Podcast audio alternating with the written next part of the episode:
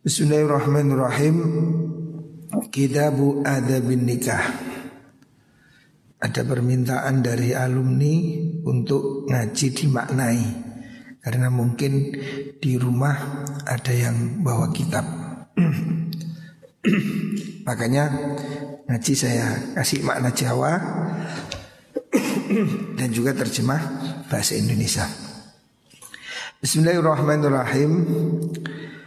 Kitab Adabin Nikahi utawi iki iku kitab mertelaaken adabe pernikahan. Nah, jadi kitab Ihya bagian tentang etika pernikahan. Nah, etika pernikahan ini banyak hal yang akan dibahas tentang mulai dari hukumnya, apa saja problem pernikahan, ya, akhlak-akhlaknya sampai kalau terjadi perceraian, hak anak dan seterusnya. Nanti akan dilanjut tentang bab tentang apa? Uh, cara bekerja, etika bekerja ya. Ini bab yang sudah menyangkut tentang kehidupan sehari-hari pergaulan di masyarakat. Wahwa tadi kita ada menikah Iku al kitabu kitab asani kang nomor luru yang kedua. Min rubu'il adati saking rubul adat. Dan kitab ihya itu ada rubul ibadah ada rubul adat. Jika ada dibagi seperempat seperempat. Nah kita memasuki tahapan yang rubul adat. Min kitab ihya ulumuddin saking kitab ihya ulumuddin. Ya. Jadi kita sudah pada pembahasan rubul adat tentang masalah pernikahan, pekerjaan, halal haram, eh, akan dibahas di sini. Alhamdulillah sekali puji kulillahi kedua Allah. Alladzi la tusadifu kang ora bisa ngenani apa sihamul ahwai piro-piro jemparingi salah cipto maksudnya si hamul ahwa apa? Ahwam ahwam ya si hamul awham. Si hamul awham. Yang benar mestinya awham ya. Ini kitab saya tertulis ahwam. Nah, ya ini salah cetak ya. Biar biasa yang nulis kan juga manusia. Nah, mestinya sihamul auham. Nah, auham jamaknya waham. Ya. Jemparing jemparing itu busur. Ya. Sihamul auhami piro piro jemparingi waham. Waham itu salah dugaan. Fi aja ibisun ihi ing dalam piro piro keajaibani penggawini Gusti Allah majoran ing panggonan kang terus masih majur itu sasaran ya. Ini mukaddimahnya Imam Ghazali ya. Alhamdulillahilladzi la tusadifu sihamul auhami fi ajaib sun'ihi majran. Puji bagi Allah yang tidak bisa ditembus oleh panah uh, praduga tentang keajaiban apa yang dia perbuat. Nah, ini kan bahasa sastra. Kalau terjemah Indonesia kurang lebih begitulah. Artinya betapa pekerjaan Allah itu ajaib ya. Banyak hal-hal yang di luar kemampuan otak kita ya. Dunia ini banyak keajaiban-keajaiban yang akal kita tidak nututi. Makanya kalau cuma berbekal dengan waham Berbekal dengan dugaan Kamu tidak akan menemukan kebenaran gitu. Karena apa yang kamu lihat pun belum tentu benar gitu. Kamu melihat bintang itu kecil, padahal bintang itu besar. Kamu melihat gunung itu biru, padahal tidak biru. Pandangan matamu yang biru yang membuat dia biru. Kalau didatangi, kamu naik ke Bromo, apa ada birunya? Nggak ada. Jadi waham tidak bisa menembus keajaiban dari apa yang dikerjakan oleh Allah. Wala tarjiu dan orang bisa bali opo al ukulu piro piro akal? An awa ili badaiha saking piro-piro kawitane indai mengkuno aja ibi sunai ya. Illa walihan angin engkang bingung. Hayron turkang Ya sama hayron itu bingung Jadi akal ya. Kemampuan akal itu tidak bisa menembus dari awal dari keindahannya, keindahan keajaiban Allah. Betapa hal-hal yang dilakukan Allah itu sangat ajaib, sangat istimewa Sehingga akal itu tidak tembus gitu. Kalau mencoba dia menembus illa walihatan Dia akan jadi bingung Loh kok bisa begini ya Mestinya begini ternyata kok begini ya. Banyak hal yang kita itu di luar dugaan Ya orang mengira api itu pasti membakar Nyatanya Nabi Ibrahim dibakar juga tidak kepanasan nah, Jadi akal kita ini kalau dimentokkan dengan keajaiban Allah itu tidak nuntut gitu Nabi Musa bisa nyebrang di lautan. Cor teori akal, wah, bagaimana caranya?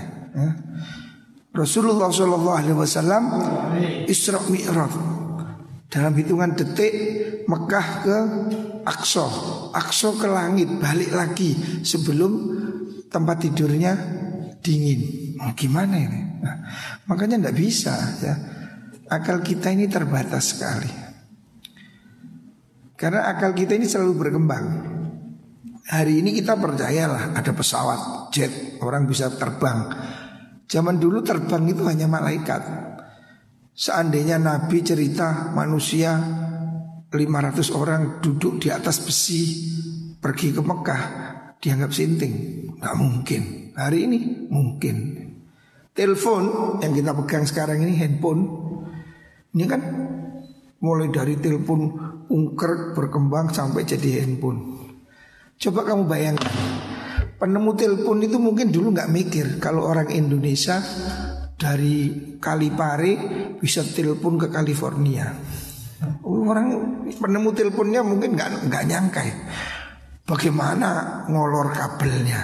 Bukan pakai kabel zaman dulu. Nah, tapi hari ini ternyata bisa WA ya. Nah itu loh keajaiban apa yang dilakukan Allah itu tidak tembus. Kalau akal mau memaksa, dia akan kembali hayran, dia akan bingung. Kok iso ya? Nah, gitu ya. Akan kembali ke situ sudah. Akal manusia ini ketika akan menembus keajaiban keagungan Allah itu kesulitan. Kamu jangan mikir yang jauh, yang yang terdekat aja. Tengu Kan tahu kamu tengu ya.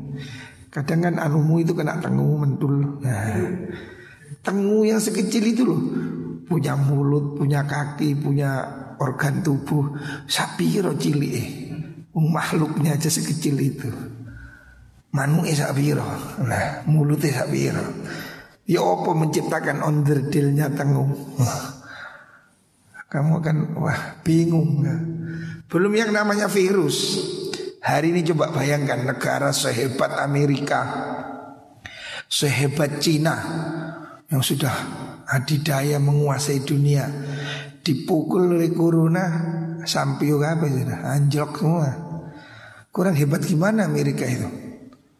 Ya, teknologi Amerika udah udah sedemikian canggih. Saya pernah pergi ke Amerika, saya pernah pergi ke Cina, teknologi sudah luar biasa. Terakhir saya pergi ke Cina tahun akhir 2018.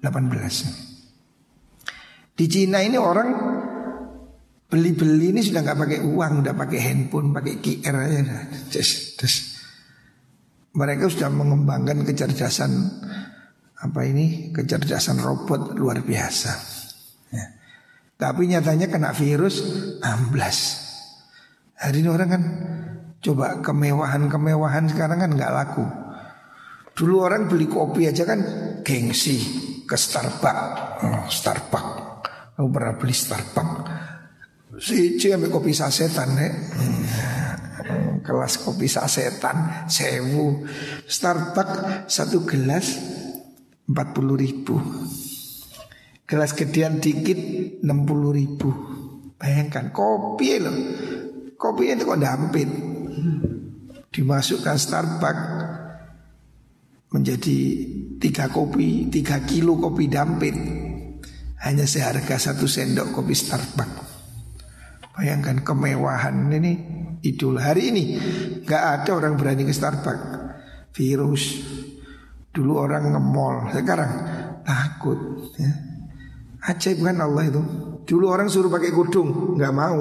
Sekarang kena corona ini, hmm, pakai cadar semua, pakai apa masker semua ya dipaksa.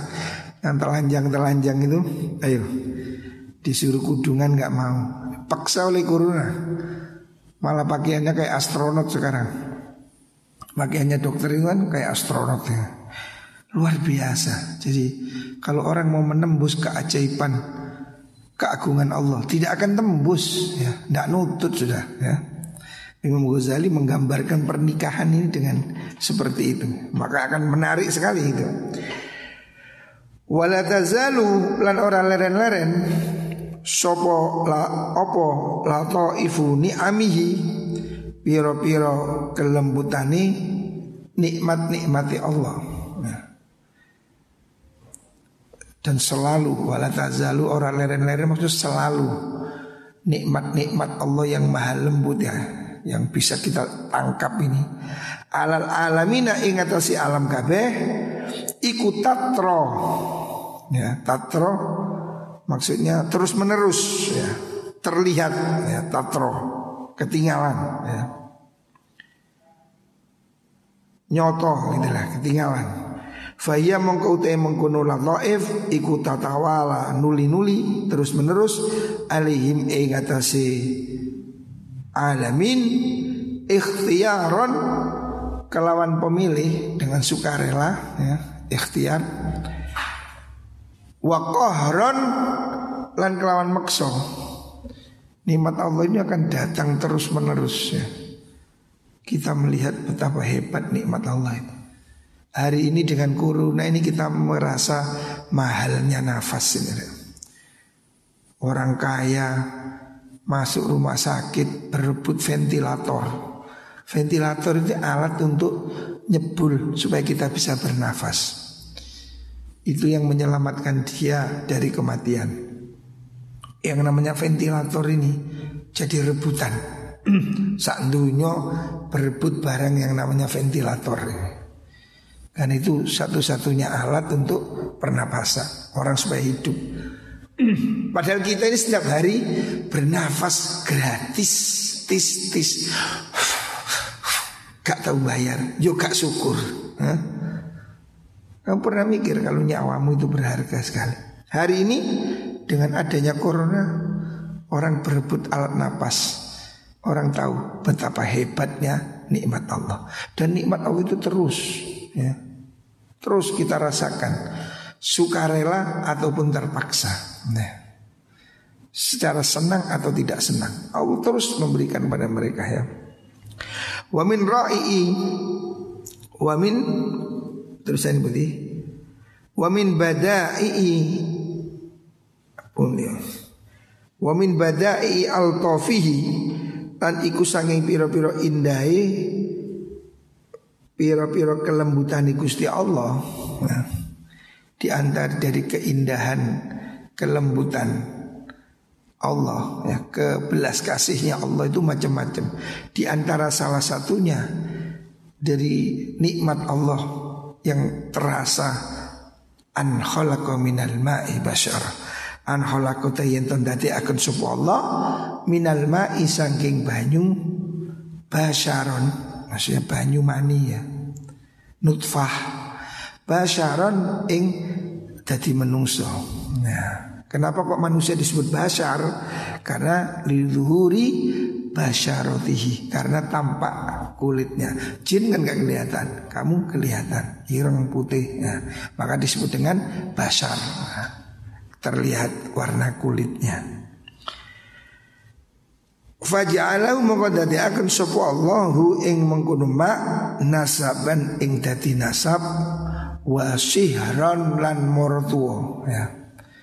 Allah menciptakan manusia itu dari mana? Apakah dari baterai? Ya. Allah menciptakan manusia dari air mani. Kon diciptakan dari apa? Gelepung. Hah? Jemblem jenenge Kalau kamu diciptakan dari tepung namanya undi-undi. Kamu diciptakan dari apa? Dari nutfah, dari air mani kamu. Air mani itu keluarnya dari mana? Dari mulutnya bapakmu? Apa dari telinganya? Dari jalan kencingnya, ya. Kamu itu bukan keluar dari ketiak bapakmu, ya. Atau dari hidungnya. Kalau dari hidungnya namanya umbel. kamu keluar dari umbel yang bawah Yang kencing itu lah nah, ini. Jadi manusia ini kalau mau sombong Dari mana kamu diciptakan? Sedangkan kamu keluar dari jalannya air kencing. Dari jalan kencing bapakmu Masuk ke mana? Masuk ke jalan kencingnya ibumu. Kamu keluar dua kali dari jalan kencing dari jalan kencingnya bapakmu masuk ke jalan kencingnya ibumu ya. Makanya kata Abu Bakar bagaimana kaifa tatakab baru Allah? Bagaimana kamu mau sombong pada Allah? Gitu loh. Waqad kharajta min bauli marratain. Sedangkan kamu itu keluar dari jalan air kencing dua kali. Dari jalan kencingnya bapakmu Masuk ke jalan kencingnya ibumu dan keluar dari situ kamu. Hah? Ya lah PT waktu itu kok silit. Makanya ini keajaiban Allah. Allah ciptakan manusia dari air mani. Air mani kamu tahu toh? Bahan manusia ini kalau dijual nggak nggak laku. Kalau bahannya ayam dijual laku namanya telur. Nah, satu biji dua ribu. Ini bahan manusia satu sendok berapa harganya? Kau nang pasar nih ibu anget nih. Nembe medal nih. Saking hinanya bahan manusia itu Seandainya ada nempel di bajumu Kamu pasti malu Kamu jalan terus sarungmu ada maninya Kamu tutupi apa enggak?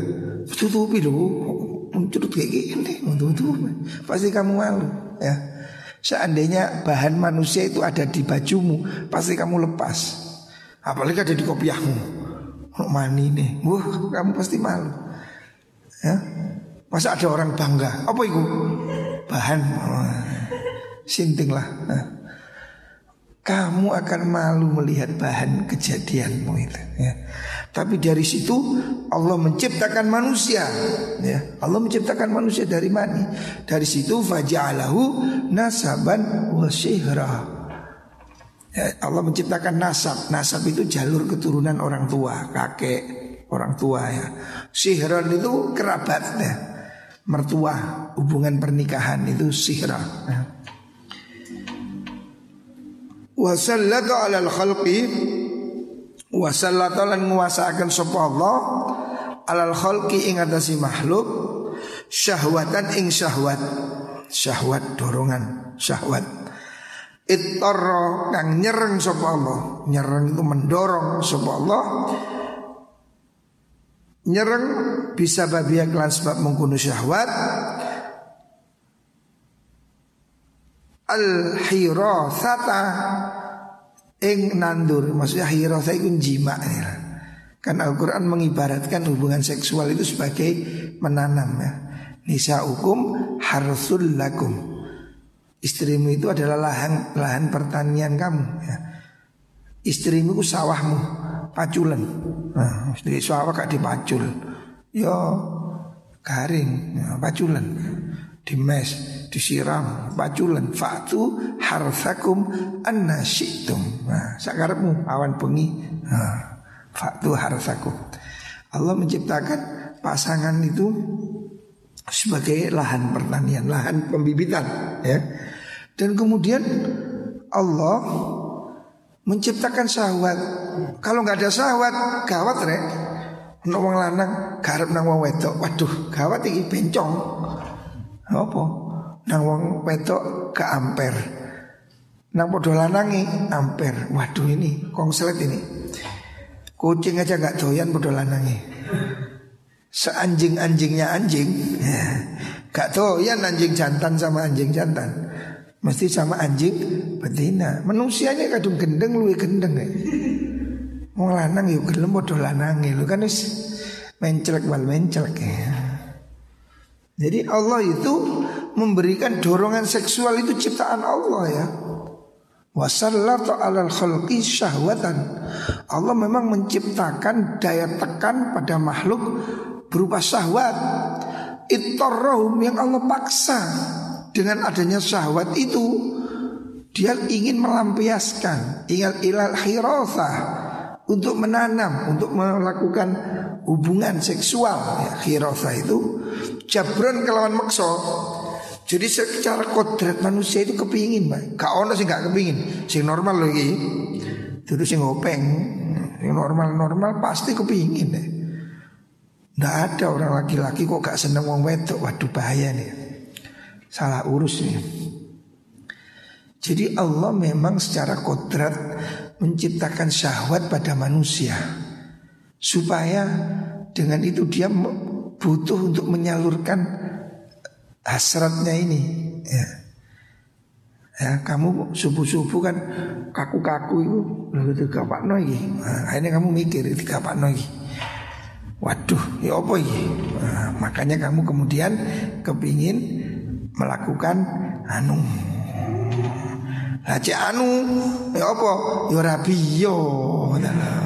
Ojo anu-anu nang anu ya anu ya makanya ya itu normal kalau kamu kepingin anu itu ya kodrat memang laki-laki yo jenengi wong lanang yo wik-wik ya penting kok kula mboten kepingin waduh iku gak normal lek wong lanang normal iku yo subuh anu nih anu itu normal berarti. Kok subuh gak anu, wah kudu diperiksa nang dokter. Kelainan nih. Nah? Ya, itu normal ya. Memang itu diciptakan Allah supaya dia kemudian ingin menikah. Nah, kalau nggak ada syahwat, ya gak pingin rapis. Ya. Jabran kelawan makso Memang dipaksa Sehingga orang itu kalau nggak rapi yo Mana tahan ya Sulit Bisa stres Bisa gendeng barang Mau gak rapi kepingin tok pelula pelulu luha lulu Wah bisa sinting itu. Ya makanya kalau kamu sudah kepingin Kepingin kepingin? Ya rapi yo ya Itu jalan yang benar Wastabqa Pihak Wastabqalan amrin netepaken sapa Allah. Pihak lan mengkono syahwat. Naslahum ing keturunane nas keturunane menung al al khalq niku. Ikharon kelawan makso wa qasron lang tegesi kelawan makso dari situlah kemudian orang ingin punya keluarga. Karena Allah menciptakan dorongan seksual kodrat laki-laki dan perempuan. Perempuan juga sama. Perempuan juga ingin nek. Wong wedok ya ingin, wong lanang ya ingin sama aja. Cuma orang perempuan ini ada rasa malunya sehingga dia tidak vulgar. Wong lanang ini malunya rada kurang hingga rada cerawak. Makanya ini dorongan ini diciptakan Allah supaya apa? supaya orang ini memang kepingin kemudian melakukan pernikahan, ingin mempunyai keluarga dan dari situ lahirlah keturunan. Ya. Nuli ngagungaken sapa Allah amrul ansabi ing urusane perkara ni pira-pira nasab wa ja'ala nadekna sapa Allah laha maring mengkono absab qadron ing kira-kira. Qadron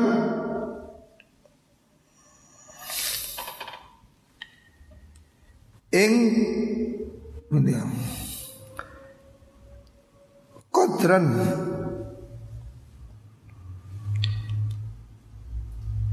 Faharama Mongko ngaramakan sapa Allah bisa babia kelan sebabe mengkono bisa babia dalam sebabnya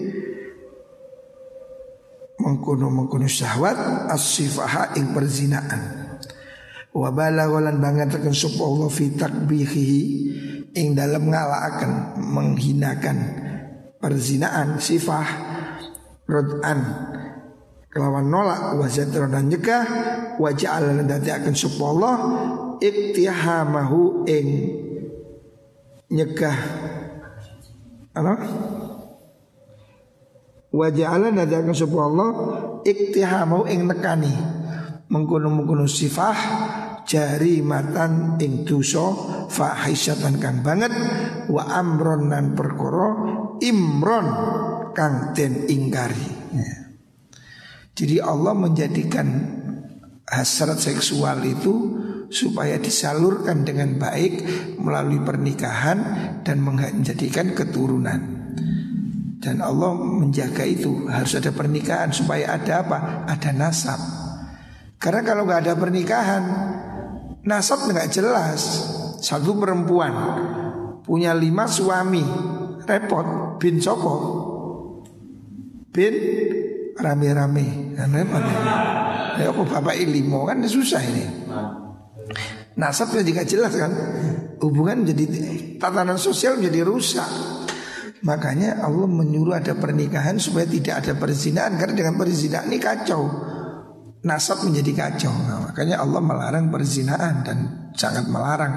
Allah menghalalkan pernikahan.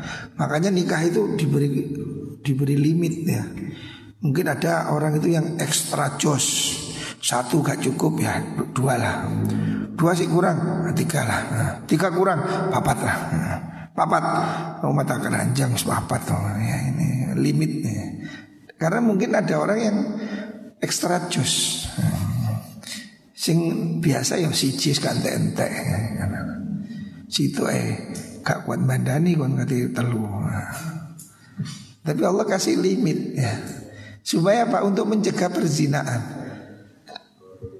Ada orang yang nggak memahami ini mengkritik wah Islam membolehkan poligami, poligami penghinaan pada perempuan. Bukan. Justru poligami itu memuliakan perempuan. Nah, poligami memuliakan perempuan. Karena apa? Dengan adanya poligami itu wanita dimuliakan ya. Wanita itu dimuliakan. Coba kalau tidak ada poligami. Orang cuma menikah satu, oke. Okay. Tapi pacarnya 20. Betul lebih hina kan? Bagus mana? Wanita dijadikan istri atau dijadikan pacar? Istilah bukan pacar apa itu? Kendaan nih lah, kendaan, ya kendaan. Simpanan ini lah. Orang lain mungkin menikah cuma satu tapi simpanan di mana-mana. Ya kan lebih jelek. Islam lebih bagus ya, nikahi aja ya. Jadi poligami itu pintu pintu darurat, nah, pintu untuk mencegah daripada perzinahan. Wajah alalan dan beliau, wana nyunahakan merintah maksudnya. Sopo Allah menganjurkan ilan nikah mari nikah wahasalan gekere yang menganjurkan sopo Allah alaihi ingatasi nikah istihbaban kalawan demenakan temenan sunnah wa amron dan perintah supaya tidak berzina pernikahan harus dimudahkan. Kalau pernikahan sulit, susah, perzinaan mudah. Nah, ini problem dunia sudah. Kenapa sekarang banyak wanita tidak menikah? Karena perzinaan bebas. Sehingga orang memilih zina aja. Istilah wong embongan anggur tuku sate ini timbang tuku weduse. Ini bahaya ini. Nyicip-nyicip itu. Makanya pernikahan harus mudah supaya perzinaan ditutup. Kalau perzinaan mudah, ya orang nggak usah nikah. Ini yang membahayakan. Fasubhanaman Fasubhanaman mongko moho suci zat. Kata bakang dat mesti sopeman al mauta ing kematian ala ibadi ing sikiro piro kaulane man kaulane Allah. Fa'adzallahum mongko nundukaken sapa Allahum ing mengkono-mengkono makhluk bi maut hadman kelawan ngrubuhaken wa kasron lan mecahaken temenan supaya orang itu tidak senang-senang diancam kematian. Kenapa? Kematian itu menghabiskan semuanya sudah. Kamu kaya seperti apa pun mati nggak ada gunanya. Istrimu cuantik seperti apa pun kamu mati diambil orang. Ya. Nah, rimnya itu kematian. Ya. Orang harus ingat kematian. Suma baza tasa nuling gelar sapa Allah buduron nutfi nutafi ing pira-pira benih nutfah benih kehidupan. Benihnya apa namanya?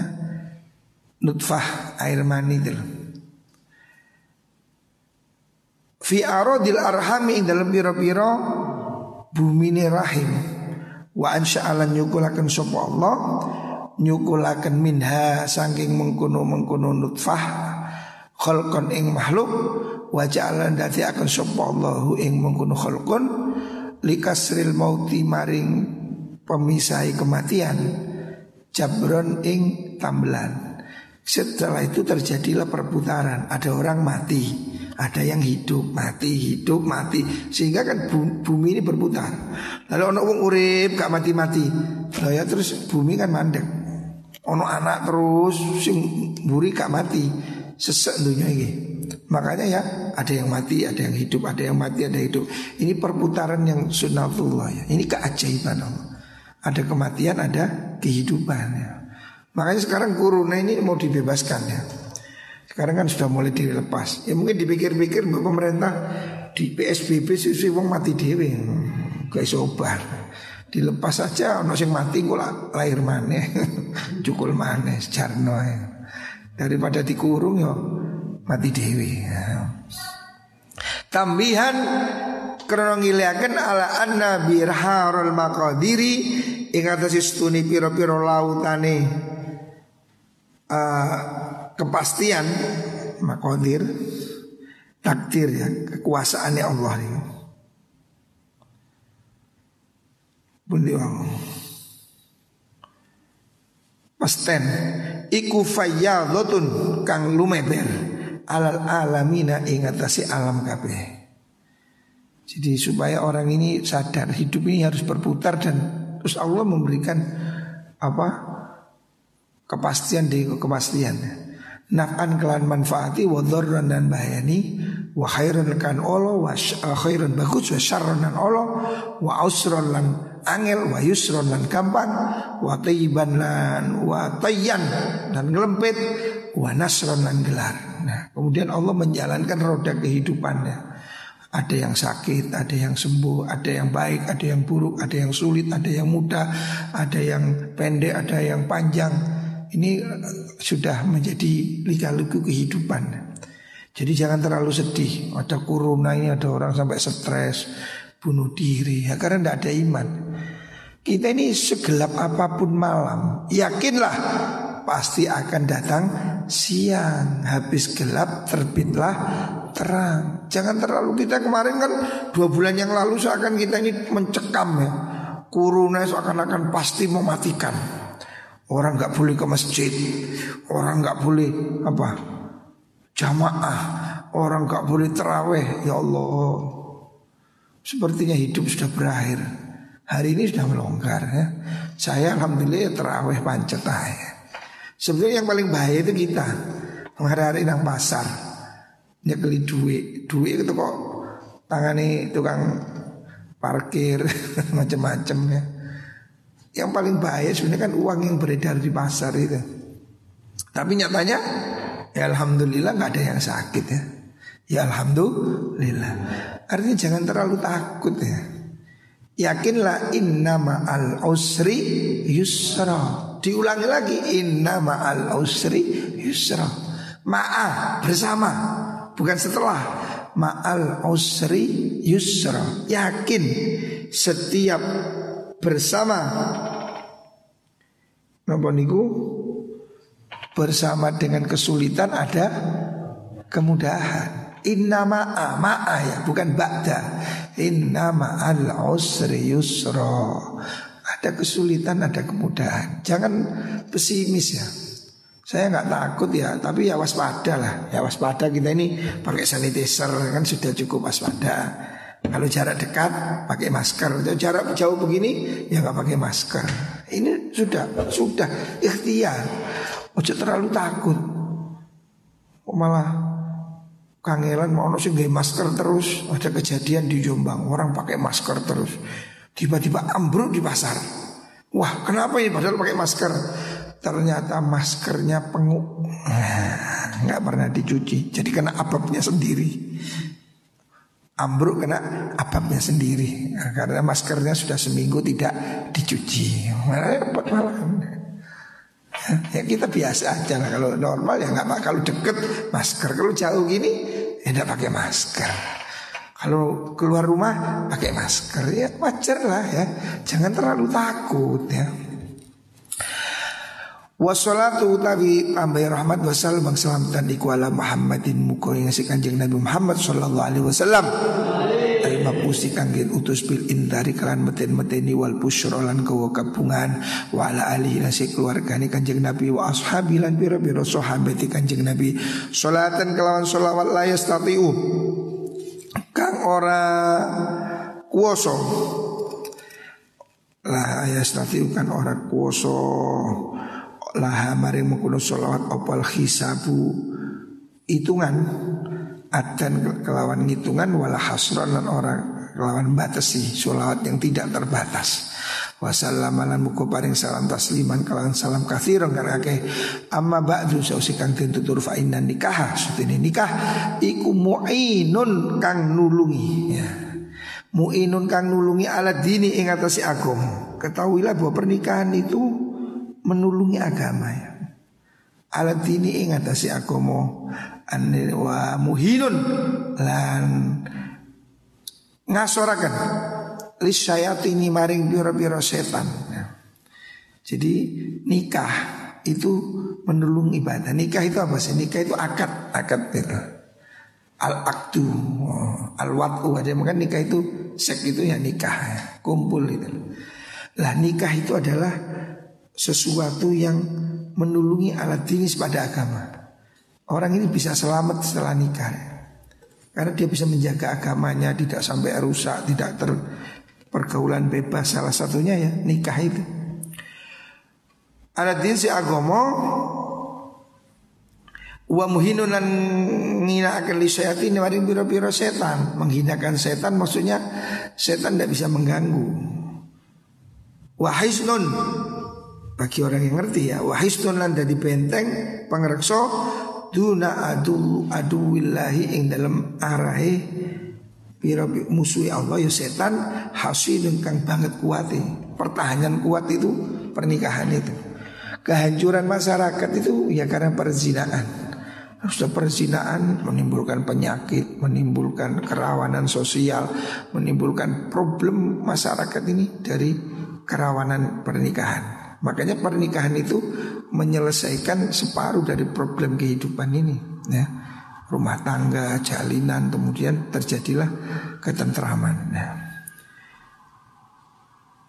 Beliau wasababun dari sebab litakfiri maring ngakehaken umat alladzi bi iklan taksir mubahatu sayyidil mursalina utawi mubahatu sayyidil mursalina utawi bunga-bungai kanjeng nabi kang dadi gusti ni para utusan irin nabi maring sekareni pira-pira nabi. Fama ahrohu fama utai perkara ka iku ahrohu. Kawo oleh ngak ngak matutaken ingma apa nikah ingma bi antu taharro kan yen to den pelanggeri apa asbabu pira-pira sebab nikah ma'ahar itu alangkah patut gitu. Jadi ma'ahar itu takjub maaf Allah ya.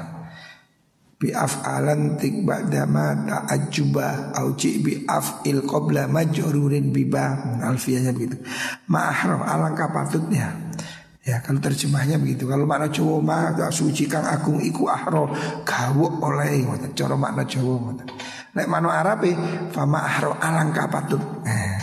Bi antu taharrokan yang tadian perhatikan Opo asbabu biro-biro sebabi pernikahan Wa fadulan dan rekso opo sunanu pira-pira sunai nikah Wa adabul adab nikah Wa tusrahulan dan jembarakan opo makosidu pira-pira maksud nikah Supaya diterangkan maksudnya nikah itu apa Supaya jelas ya. Asbabu pira-pira sebab nikah Meniwang Wa yufassalu lan den perinci apa fusulu pira-pira fasal nikah wa abwa lan pira-pira bab nikah. Jadi karena nikah ini sangat penting maka perlu dijelaskan tentang sebab-sebabnya apa sih? Ya, apa pernikahan itu apa? Maksudnya apa? Tujuannya apa? Hukumnya bagaimana? Itu. Wal qadru kira-kira al muhimu kang penting min ahkam sing pira-pira hukum nikah iku yang kasyifu dadi kebuka fi sati abu abin dalam telu pira-pira bab. Eh, pernikahan ini bisa kita rangkum dalam tiga bab. Yang penting pokok garis besar. Yang pertama al-babul awal bab kang kawitan iku fitar targhibi ing dalam demenaken fi ing dalam nikah wa anhu nikah. Maksudnya bab yang pertama ini akan membahas tentang hal-hal yang membuat orang itu kepingin nikah. Apa saja. Ahmad itu gak rapi-rapi perlu ngaji kita pikir. Ya apa cik kepingin nikah? Oh ternyata nikah itu pahalanya begini begini. Wah aku udah rapi aja lah. Itu namanya targib ya. Jadi ada dalil-dalil apa yang menerangkan tentang keistimewaan menikah ibadah paling enak di dunia ini ya menikah. Wis enak oleh ganjaran, kan sih kan. Sholat kan yo si ono repot-repot lagi kita asik-asik toh mau ganjaran nah, makanya kamu harus tahu apa hal-hal yang mendorong terhib fi dalam nikah. Wa anhu langsung nikah. Anhu itu maksud sesuatu yang harus dihindari. Oh tidak menikah karena begini. Harus ada alasan. Jadi orang ini ulama memang ada dua pendapat. Ada yang kepingin orang ini harus nikah. Nikah faedahnya A B C D tapi ada yang milih gak usah nikah Karena apa? Nikah bikin gini, bikin gitu, bikin gini nah, Nanti akan diterangkan Al-Babusani bab yang kedua Iku fil adabi dalam adab Al-mar'iyati kang den rekso Fil akti dalam akad Wal ini lan wong akad luru Pasangan suami istri ya. Itu akan diterangkan di sini Adabnya apa? Al-Babusani itu tapi bab nomor dulu itu fi adabil muasyarati ing dalam adabi muasyarah. Adab muasyarah itu adab bergaul suami istri, relasi ya. Min baldil akti sausi akad ilal firoki tumoko maring perceraian. Jadi kalau masih berkumpul, berkumpul yang baik. Tapi kalau sudah tidak bisa kumpul, ya bisa sih ngapi ya. Jadi nikah ini ya kalau kumpul Ya kumpul sing bener yang saling menghargai. Kalau gak iso kumpul ya bisa daripada rumah tangga sudah seperti neraka pengkerangan terus tawur terus ya perceraian menjadi alternatif itu jalan yang terburuknya.